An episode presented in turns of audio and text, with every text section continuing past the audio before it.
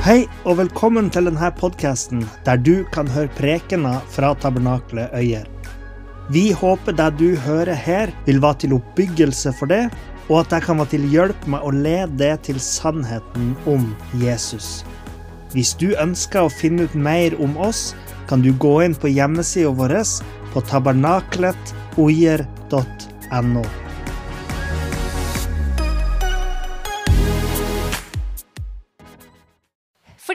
familiesøndagene vi har, så er det litt sånn at vi tenker at de aller minste skal forstå alt. Og de aller største skal også få med seg noe i hjertet. Og akkurat når vi skal ha en dåp, så var det litt vanskelig, syns jeg. Men er det noen av dere som er barn, som har sett en dåp før? Er det noen som har sett en dåp før? Ja, det er noen der bak som har sett en dåp før. Ja, du så det nå. Det er sant.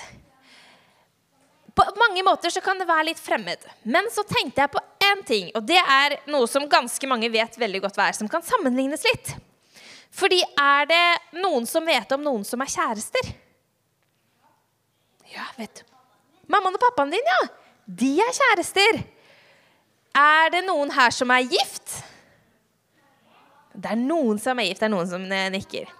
Da, mammaen og pappaen din, ja. Da lurer jeg på en ting. Anton, spurte du om Marit ville gifte seg første gangen du så henne? Nei. Er det noen som har vært eh, litt vågale og gått på den? Rett og slett og tura bort og sagt 'Hei, skal vi gifte oss?' Er det noen som har gjort det her? Nei, det er ikke så lurt, tror jeg. Fordi det som er, er at hvis man, hvis man finner en man er kanskje veldig god venn med, og syns at er, det er kanskje noe ekstra, så pleier man ikke å gifte seg med en gang. Er det noen som kan tenke seg hva som kan være lurt før man gifter seg?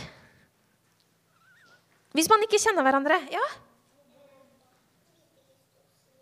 Ja, vite litt åssen de er, ja. Veldig godt poeng. Så da er man kanskje på litt date, og da spiser man litt god mat, og kanskje ser på kino, og så blir man litt bedre kjent. Og så etter en stund da, så sier man OK, vi er kjærester. Og så varierer det litt hvor lenge folk vil være kjærester. Noen kan jo være kjærester fryktelig lenge. Men på et punkt så kommer det Skal det være oss to, eller skal det ikke? Og hvis man da bestemmer seg for at vi to vi skal være sammen resten av livet. Det er akkurat deg jeg har lyst til å leve livet mitt sammen med. Da er det ganske vanlig at man gifter seg. Ofte så er det jo ikke en overraskelse. Når Niklas spurte meg om vi skulle gifte oss, så kom det ikke som et sånn Hæ? Skal vi det? For vi var da i Paris. Han hadde tatt meg med dit. og Vi bodde på et veldig fancy hotell som Away. Og han hadde på seg smoking, så det lå litt i korta. Det gjorde det. Men det var veldig stas. Så da når han spurte om vi skulle gifte oss, så sa jeg ja. Og da har jeg tenkt at når jeg har gifta meg med han, så er det han jeg skal leve resten av livet mitt med. Det er ikke alltid at det går sånn for alle. Men de fleste som gifter seg, så er det det som er planen. At man skal være sammen, bare de to. Poenget er at hvis man finner det man vil dele resten av livet sitt med, så tenker man jo at det her, det skal være for resten av livet mitt. Og akkurat det samme var det egentlig Linda gjorde nå. Fordi hun fortalte jo sitt vitnesbyrd. Dvs. Si at hun forteller sin historie med Jesus. Hun fortalte at hun var blitt litt kjent med Jesus. Og så hadde hun hørt litt mer i kirka. Og så hadde hun begynt å be til Jesus. Det er kanskje litt sånn datingstadiet, da begynte å bli litt bedre kjent, og hun var nysgjerrig på hvem Jesus var. Og så, i 2018, så bestemte hun seg, for da fikk hun en virkelig opplevelse av Gud. Og da bestemte hun seg for at jeg vil være en kristen. I Bibelen så står det Men alle som tok imot ham, dem ga ham retten til å bli Guds barn. De som tror på hans navn. Det vil si at alle som tror på Jesus, vi er Guds barn. Det er ikke sånn at man må døpe seg for å komme til himmelen. Det tror ikke jeg. Jeg tror at det eneste er troen i hjertet. En overbevisning om at Jesus er min frelser. Men så er det som en sånn ekstrapakke. For Jesus utfordrer oss på det og sier at vel, hvis du har lyst til å følge meg, og du tenker at det skal gjelde resten av ditt liv, da skal du få lov til å døpe deg. Det som eh, Niklas leste i stad, var Jeg har fått all makt i himmel og på jord. Gå derfor og gjør alle folkeslag til disipler. Døp dem til Faderens, Sønnens og Den hellige ånds navn, og lær dem å holde alt jeg har befalt dere. Og se, jeg er med dere alle dager inntil verdens ende. Det også er en litt viktig ting. Er det sånn at kun fordi at noen gifter seg, da, da kjenner de den andre helt ferdig? Nei. Kan det komme overraskelser når man er gift også? Ja, jeg tror det. For man har fortsatt noen, en vei å gå. Og man er ikke sånn at man er ferdig utlært som kristen kun fordi man døper seg. Men det er bare at man har tatt et valg. Og det er det valget Linda har gjort. Og så skal hun fortsette å gå på veien med Jesus og bli bedre og bedre kjent med Jesus. Men hun har en tro i hjertet. Og så har hun tatt et valg om at jeg ønsker å leve resten av livet mitt med Jesus. Jeg har lyst til å fortelle en liten historie til slutt. Og det er når jeg døpte meg. Er det noen som vet hvor gammel jeg var når jeg døpte meg? Mamma jukser, for hun var der. Jeg var på et sommerstevne. Kan dere gjette når det var? Var det på sommeren eller vinteren? Sommeren, ja. Det var en som fulgte med. Jeg var på et sommerstevne på sommeren. Og så var det så veldig mye prat om dåp. Jeg hadde ikke døpt meg.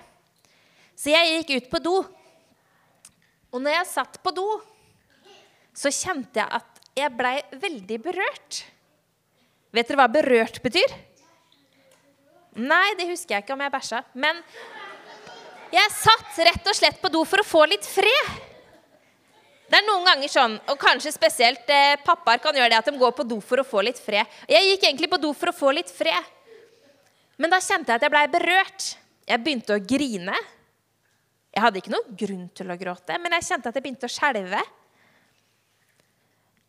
Og det jeg landa med, var at vet du hva, jeg må døpe meg. Jeg ble så sterkt overbevist inni kroppen min, i følelsene mine, selv om jeg var ganske liten, at det var det jeg ville gjøre. Jeg hadde lyst til å vise for hele verden at jeg ville tilhøre Jesus. Vi tilhører alle Jesus, men jeg hadde lyst til å vise det på en spesiell måte, nettopp med dåpen. Og Da gikk jeg til mamma og sa jeg, mamma, jeg må døpe meg, og jeg må døpe meg nå.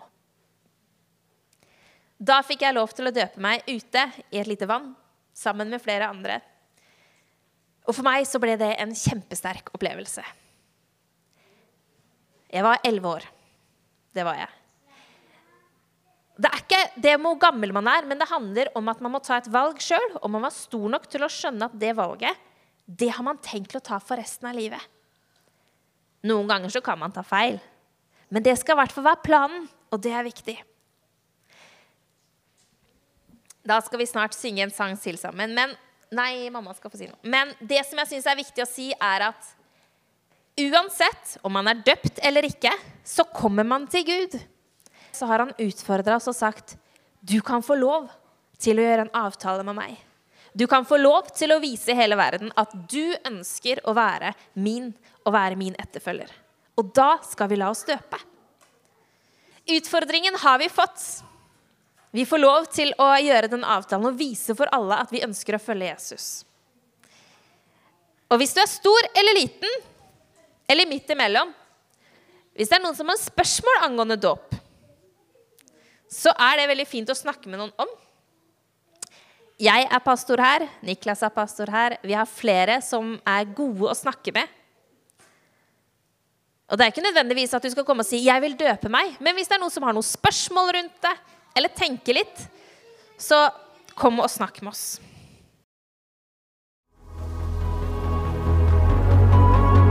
Takk for at du hørte på.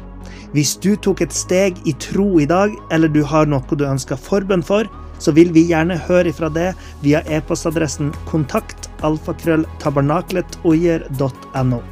Du er òg velkommen til våre ukentlige gudstjenester i menighetslokalet i Haugskutua 5 26 36 Øyer.